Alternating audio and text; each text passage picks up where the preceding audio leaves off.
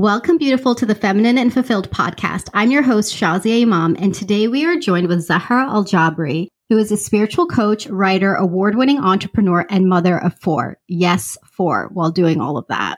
Her approach focuses shifting people's mindset towards themselves and God, leading them to a transformed outlook on life. Zahra supports singles and couples navigating relationships, showing them that God's description of peace, love, and support can be theirs with some simple but profound mindset shifts. Zahra's unique tool to enable people to hear God speaking to them in loving tones are the devotionals she writes. Welcome, Zahra. Thank you. Thank you so much for having me. Well, I'm so excited to have you because I know that you're a powerhouse. I know this about you already. And so I'm really excited to be having this conversation, especially right now as we are in the month of Ramadan. So I would love to hear from you and share with our listeners too. What does Ramadan mean for you? For me, Ramadan really is like that dedicated space to turn inward where, you know, where your community, where your family, where everything is supporting you, you know, where God is supporting you to turn inward. And so for me, I really love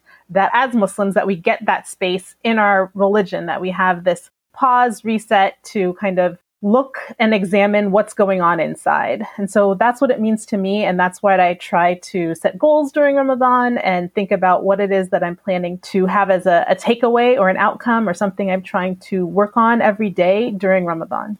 And so, this piece about turning inward, this is also something that I really love about Ramadan as well. I think a lot of times we think it's about like you're not eating and drinking from dawn till dusk. And a lot of times there's this focus on the eating and the drinking, but it really is about turning inward. And I know that you've been doing something very deep called devotionals. Can you share with us what these are and what was the catalyst behind starting this? So yes, as you say, like, you know, many people think of Ramadan and just are focused on the physical fasting of it. And as I've learned more and gone on my spiritual journey, the other elements of fasting of the month of Ramadan is like to even to fast from your emotions and to fast from your thoughts and to really try and get in that inner space of what's going on, not just with like your stomach internally, but what's going on in your mental and emotional space. And something that I started doing are these devotionals. So it started when I was on Instagram and someone I follow was posting Christian devotionals.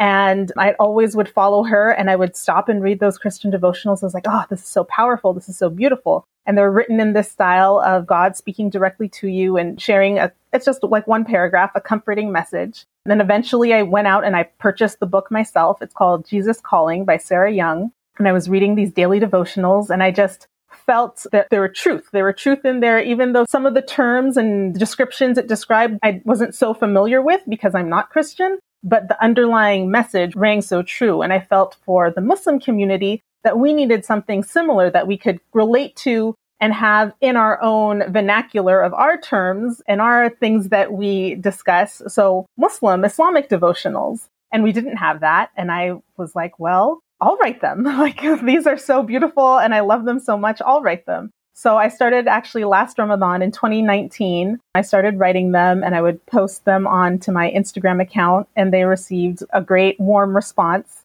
And from there, I was like, okay, I want to write a book of 365 daily devotionals. I was pregnant at the time. I had my fourth child in the middle of that 2019 Ramadan. And so my scheduling and planning was all kind of pushed back. And so now we're here in Ramadan 2020 and I'm posting daily Islamic devotionals again. And really the point of them is that they're this a short message. They're about a paragraph. They're written as though God is speaking directly to you and it's repackaging what God tells us in the Quran or the Holy Book and what God tells us through the prophets in a way that's relatable to our vernacular and our language that we use today and applicable to what's going on in our lives. And so that you can just reflect on them, take something out from them and have something for you to just feel comforted by for you to act on and reflect on today. I love that. I actually didn't know that background because for me, it was the first time I'd ever seen a devotional. So when I first saw yours, I was like, I love this because it really, the way, okay, hold on. Let me just pause. Can you please read one? I actually have a favorite one. Can you please read within? Sure. Yes. So our audience, our beautiful listeners know what we're talking about. And then I'm going to share what I was going to share. So, yeah, here's an example of one devotional. Within you is everything you need. all the answers, all the power, and all the resources. You keep looking around, desperate for someone to help you. You will flail about until you realize that no one is coming. More importantly, you don't need them. Have you forgotten that I, Lord of all the worlds, am within you? How can anything be lacking? You are qualified, you are capable, and you are worthy. Look within, you will find me. Once you do, you'll have everything. Hmm, I love this one. Thank you for sharing. So, these are the devotionals that Zahra has been posting and creating. And Zahra, when I first read it, this has been my first experience with any kind of a devotional, and it just felt so real. I really felt as though Allah, God, was speaking to me. And in such a simple way, because of course our sacred text, the Quran, is, is so beautiful, but it can be quite lofty and it can feel it can feel intimidating at times if I'm being completely honest. And so to have something so simply written to garner this lesson that I believe our Lord is sending, I was like, whoa, it just, and especially this one spoke to me as well because we do speak about how everything really is within us. And so I just want to let you know that there's many of us, myself included, who have never even seen this. So I really appreciate that you've created this from the Islamic perspective as well, because to me, I just felt for the first time, I was like, oh, this is so true. And this is actually something I can go out and share as well, because my audience is diverse. And it's important for me to be able to convey things in an easy to understand format. And I just feel like I could literally guide somebody to your page on Instagram at practical Muslim and say, okay, just read these because this is how I really see Islam is for me and not like what we see out in, you know, the media. I won't go on that tangent right now, but I wanted to share that with you that it's been really meaningful what you've created here. So thank you for that. You're welcome. Thank you. That's exactly that whole feeling that I had when I read the Christian devotionals was like, what? Like, that's what our book says. Why don't we have something that says it so plainly and so clearly? And as you mentioned in my bio, that I'm a spiritual coach and I work on shifting your mindset. And one of the key areas that you need to shift your mindset in, that we all need to shift and then hold our mindset in, is in our view and our perception of God. And within the Muslim community, and it's true in the Christian community and other communities, there's a subconscious belief that God is kind of like the Christian terms, it's like the angry man in the sky. For Muslims, we think of him as maybe punishing us or judging us. You know, he's going to judge us on our book of deeds. And so this concept of, although we know that God is loving, he's the most merciful, he's the most caring, underlying that and what sticks to our ego is that, oh no, God is judging us, he's punishing us, he's against us. Look at you, you made this mistake, you did that wrong thing. And so it's hard to like hold a positive view of God when that is the underlying running dialogue in your head. And so mm-hmm. the devotionals are a way to constantly, you know, read one every day and like start off your day with your mindset in the right frame of mind of how am I hearing God's voice? I'm hearing him positively. I'm hearing him in uplifting tones. I'm hearing him as my supporter. I'm hearing him, you know, as he's got my back. And I'm hearing him just in this simple everyday language that again, like you can grab onto and you can relate to and you can carry with you as, you know, you face whatever challenges or difficulties or, you know, good moments or highs and lows of your day. Absolutely. So, Zahra, you bring up a really good point about our perception of God, our perception. And you brought up something really interesting. And I want to dive deeper into this because I've been having this own conversation with myself around the angry man in the sky or even the man in the sky. I think this notion of God even being a he is something I've personally been reflecting on because there's been so much fed to me personally in terms of the way that I have really looked at Allah that I've had to re examine a lot of things recently to reclaim my relationship. And I'd love to hear for you, what has that looked like? Yeah, I've had to exactly like re examine how do I conceptualize God? And of course, we know that God tells us in the Quran, in our holy book, that we, whatever we would conceive of him, like he's greater than that, he's not that. Even the gender, using the gender terms, like is just something we do for convenience and so that we can have something to grab onto. But one thing that's helped me is to think of Allah more in terms of his presence. that it's his presence is everywhere. And if I can think of that presence even as the air, like a formless, sightless, odorless presence that's all around, Allah's presence is what's growing the grass and what's growing my fingernails and what's creating the whole dance of the worlds and the moon and the stars and the universe. Mm-hmm. That that makes it more relatable. And because in the Quran, in our holy text, God says that he is closer to us than our jugular vein. So that means that he is within us. Like as the devotional I read, like he is inside of us. So for me to constantly perceive him as someone, as a being in a different space, looking down upon me, makes it hard to feel connected and feel a relationship with my creator or with my source, right? If the source is disconnected from me, how do I feel like it's my source? And so the reconceptualizing is like, no, this source is within me. It's right here. Mm-hmm. It's all around and not to have that distance. We have the concept also in Islamic tradition of, you know, God uh, being on his throne. And so when you think of a throne, again, you think of them uh, above and beyond. And so God says that he's on a throne and we accept that, but we don't know what that looks like. And for whatever my limited understanding of what that means now, all I'm finding is that it's comforting to focus in on the part where he says that he's within me because there's something that makes me be able to develop a connection and develop a relationship. So I'm not, I don't want to say that I'm contradicting any of those other conceptions. I'm just saying that where I focus and where I'm able to make use of God's presence in my life is by feeling him right here with me. Hmm. And I can just hear somebody saying right now, I can hear a beautiful listener saying, okay, I hear what you're saying, but Zahra, how do I build this relationship based on everything I've been taught in Sunday school, in the community? How can I build this deeper relationship where I feel Allah is that close to me?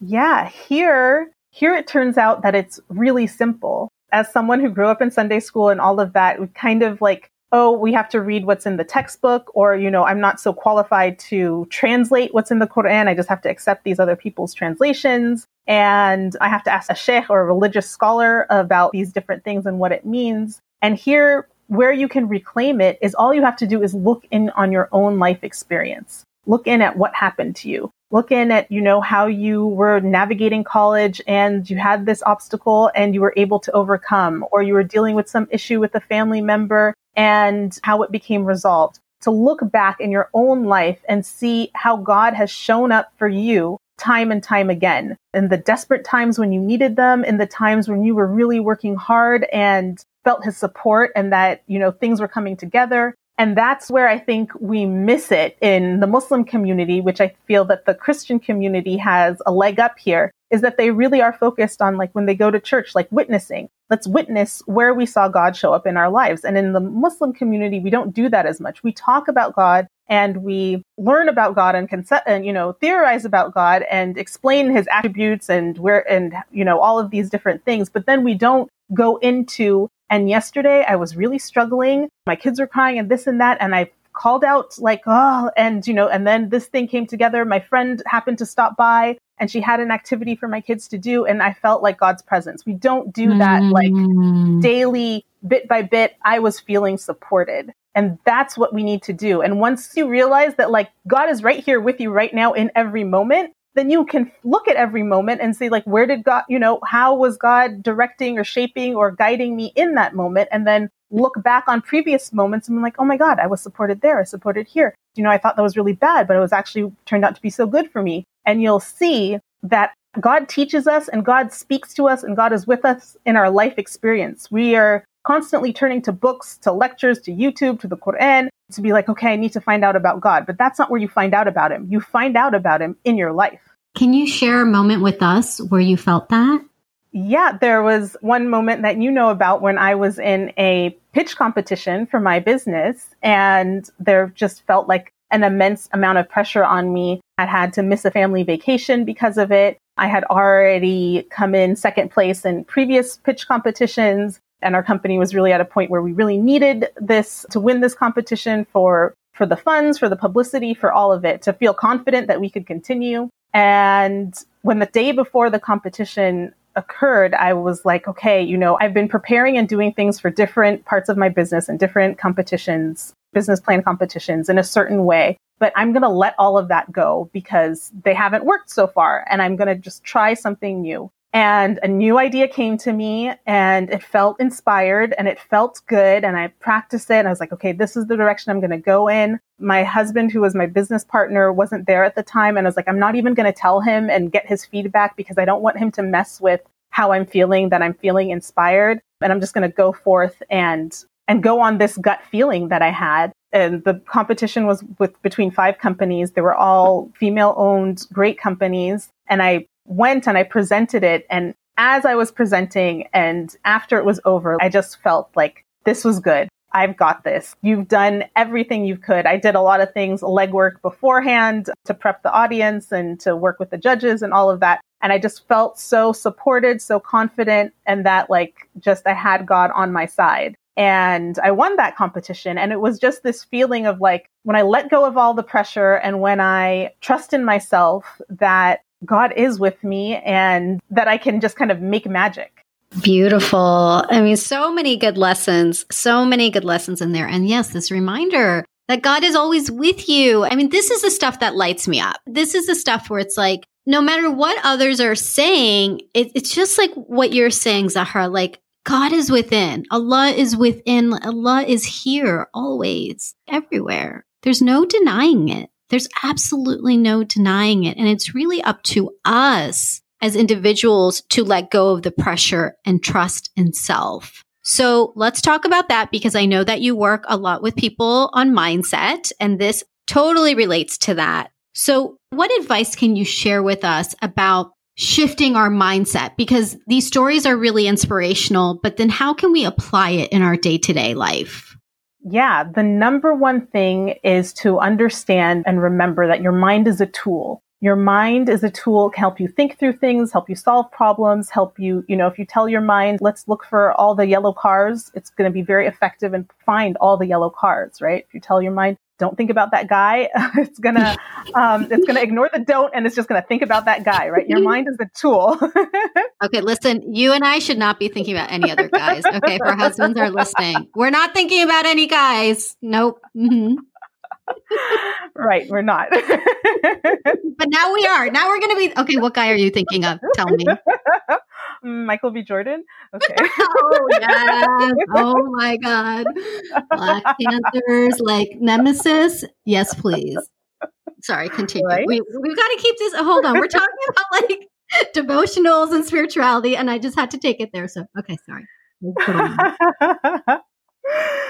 yeah, our mind is a tool. And for for religion, for faith, for spirituality, in the Quran, in our holy text, God says that our center of consciousness is actually our heart. Do they not have hearts mm-hmm. that understand? Do they not have hearts that are blind? And that description of that our hearts are the ones that are reasoning. And even in science now, you know, when they look at an embryo forming in the womb, your heart starts beating before your brain is formed. That it has its own nerves and all sorts of whatever physical mechanisms that I don't know about. But the point is that it, the heart is an organ that has intelligence within it. And so to shift your mindset, you have to understand that your mind is just a tool. It's a tool to help you know and believe about God and the unseen in this kind of theoretical way. And then your heart has to take over and in an experiential way, experience and it believes through experience, which is real faith of the unseen, that it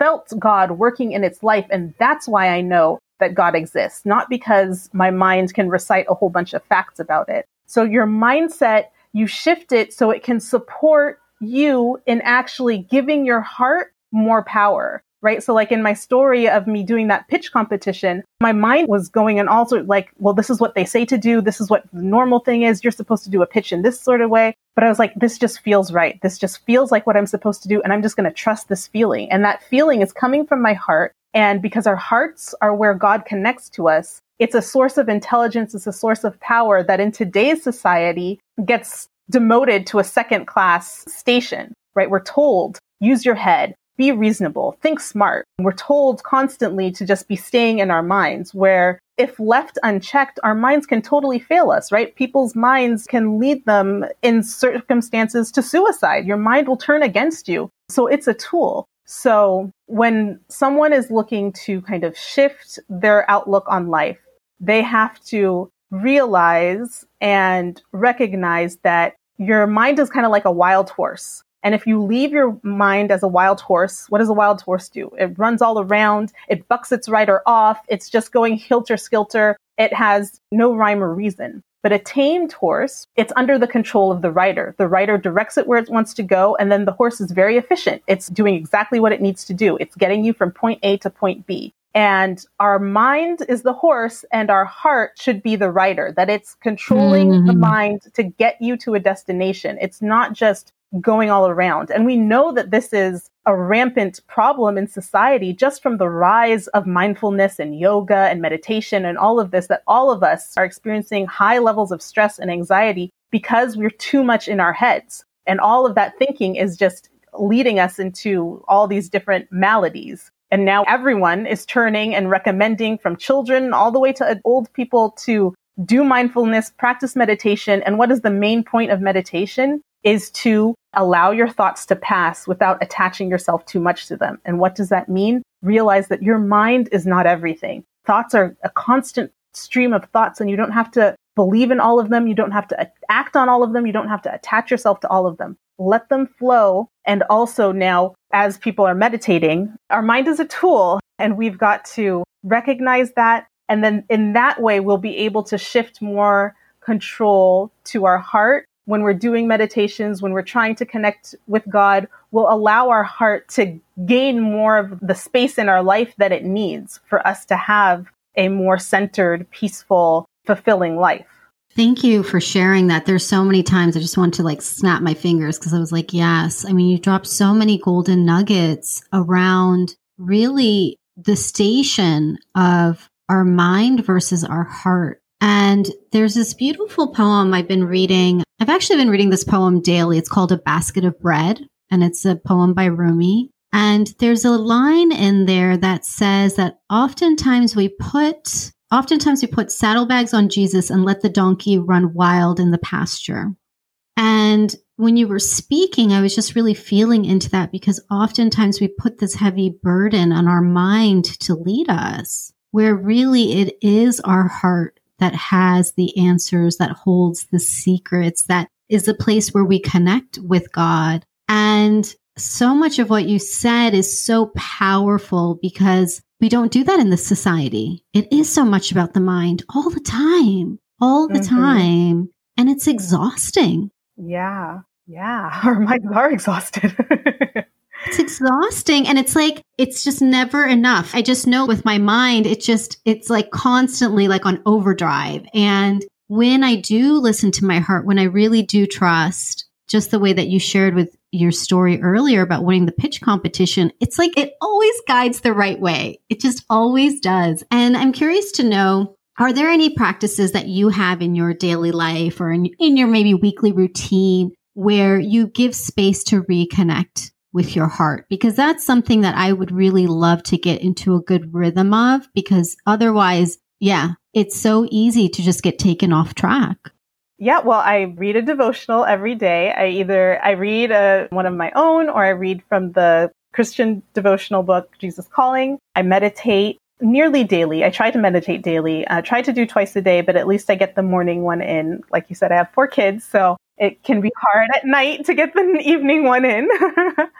but I wake up before them, and so I do that morning meditation. But it is difficult in in today's society and culture, just as you mentioned, that we're like that's how we're conditioned. So what it is is it becomes another practice. It becomes a practice for you to just catch yourself when you notice, oh, this feels good or this feels bad, and to like, okay, can I just accept that feeling? Do I have to have a rationalization or an explanation for why, you know, I want to do X over Y? And to let go of that pressure within your own self that, like, well, you know, I can't really explain this. And I think that's where once you start practicing it, right, then you're able to do it in bigger and bigger things. And even it's a place where like you can actually start practicing on the bigger things and then let it trickle down into the small things. So in my work as a relationship coach, right, I get the question all the time, how do I know? What should I do? They're saying this, but I'm not sure. And the number one thing that I have um, clients lean into is like,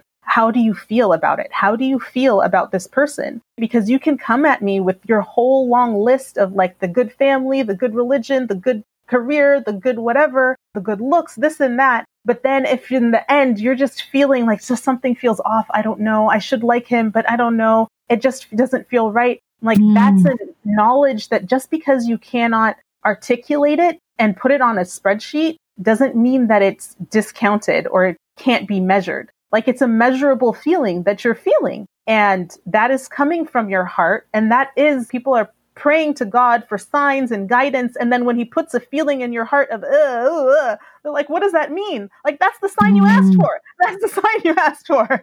God is giving you the sign. That uh, feeling is God giving you the sign. So trust it. And really, a lot of the work is just getting people to have confidence to trust in their own feelings. And that, you know, is kind of sad when you think about it. They're like, you have a strong feeling telling you that this doesn't feel good, and yet you would ignore it for a piece of paper of what it says on a piece of paper. Mm. Uh, and so sometimes it's easier to start with that big decision. Like, okay, who should I get married to? Like, oh my God, I'm just going to have to trust my feeling here. And, you know, it's feeling really good, even though he doesn't have a career right now, or he came from a broken family, or whatever, whatever, all of the things. But it just feels like I have a strong connection. I'm feeling so at peace with him. Trust that feeling and see how, wow, everything worked out. Or same thing, you know, in the opposite direction. It seems, it feels bad and you don't go ahead and see, wow, look how something better came for me or look what I avoided with the situation that that person ended up getting into.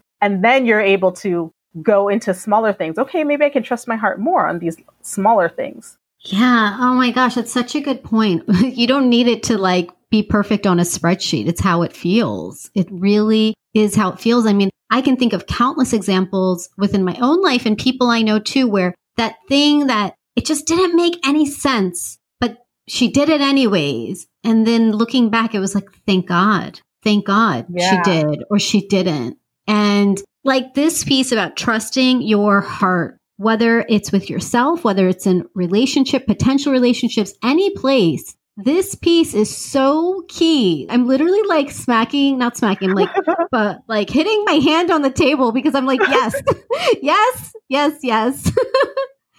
because as you mentioned earlier, this is where Allah speaks to us.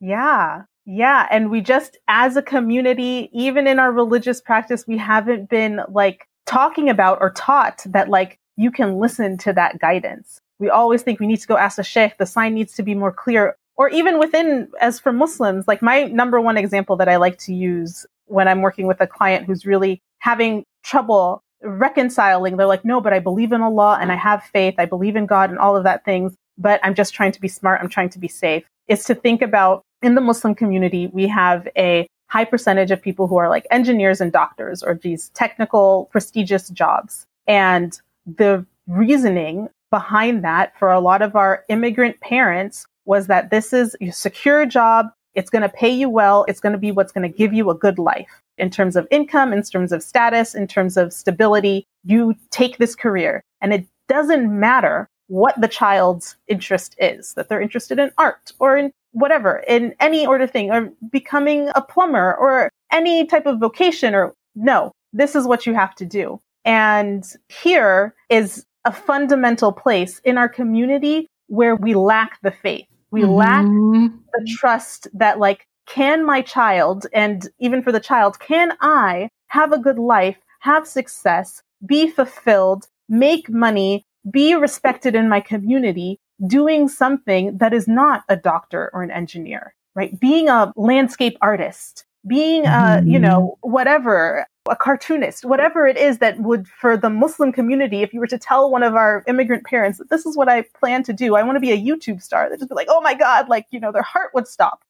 Um, but from there, that shows where we can't trust our heart. No, no, no, no, no. No, no, no, no, no. Mm-hmm. On paper, on paper, mm-hmm. what it needs to be, mm-hmm. doctor, engineer, lawyer, good. Anything else, no good. No good. God will not grant you success. You will not make, get married. You will not have a good, nope, no good. And so we are conditioned then in a really huge way because that's our sustenance, right? That's where we believe our sustenance is coming from this career path. So our whole sustenance, we are responsible. We have to choose the right career path. We've got to study hard. We've got to do it mm. in order to have sustenance. When fundamentally, the number one thing that Allah tells us is that our sustenance comes from Him. So yes. we strip that number one thing that should be off of our back that God provides for us, and we've assumed it, like you're saying in that poem, we put that saddle all the way on us. I've got to provide for myself now. And from there, we just start drifting off. Like that's where, for me, that's where I feel like the drift, the schism really can just grow deeper and deeper. That now I'm responsible for all these things and it's my duty and I have to take care of these and I've got to use my head to be able to make those right choices. And I can't trust that, oh, I really actually would enjoy to be a woodworker and make beautiful wooden craft. Oh no, I'm not going to make money doing that. So I can't. Oh my goodness. I'm just like, there's nothing else to say. Yes, you just wrapped up like so many things I have felt my whole life, and I know others can resonate into what is the reality. And when we realize that our sustenance and our success comes from our Lord and nowhere else, that's where we can breathe.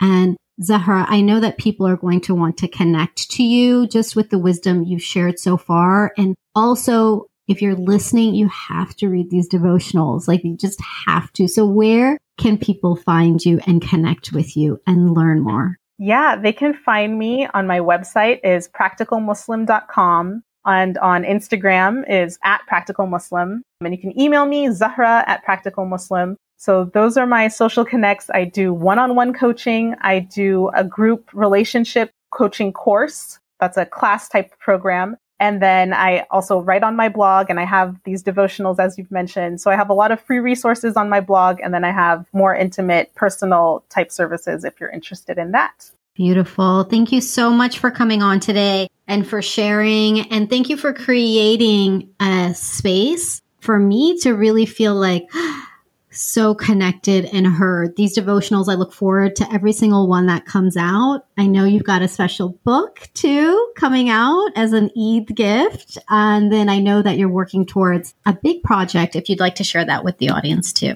Yeah, so I mentioned that I want to write 365 daily devotionals and put it in a physical book that, you know, everyone can have and have as a resource to really get their mind right in the beginning of the day. And to fund that project, I have the 60 devotionals that I wrote from last Ramadan and this Ramadan, and I'm packaging them into a PDF as a digital download. And it's $25 if you get it on pre-order, $30 if you miss the pre-order but $30 to download those devotionals, have them easily accessible on your phone or anywhere, or print them out or text them around. And purchasing it will support and fund the creation of the physical book. So please come to practicalmuslim.com and do that, or on Instagram, all the links are everywhere at Practical Muslim. Oh my gosh. Well, that's a gift to us. So thank you for creating that. And now you've you've set it on air, Zahra. So we're going to hold you to this beautiful vision you've created. And I'll definitely be getting my copy of the 60 day devotional until the, the 365 day one comes out. And again, thank you so much for joining. Yes, thank you. It's been my pleasure. I'm so excited to be one of the esteemed guests on your podcast. So thank you so much for having me. Oh, and one last thing before I forget, I wanted to give you a really special gift because how could I not? I actually have a list of my favorite things that make me feel feminine and fulfilled. And I would love for you to have it so that you can grab whatever you want from the list. So if you want to see my list of my favorite things, go to thelifeengineer.com slash favorite. And it is a full list of all of the things that I love and all the links for you to grab them.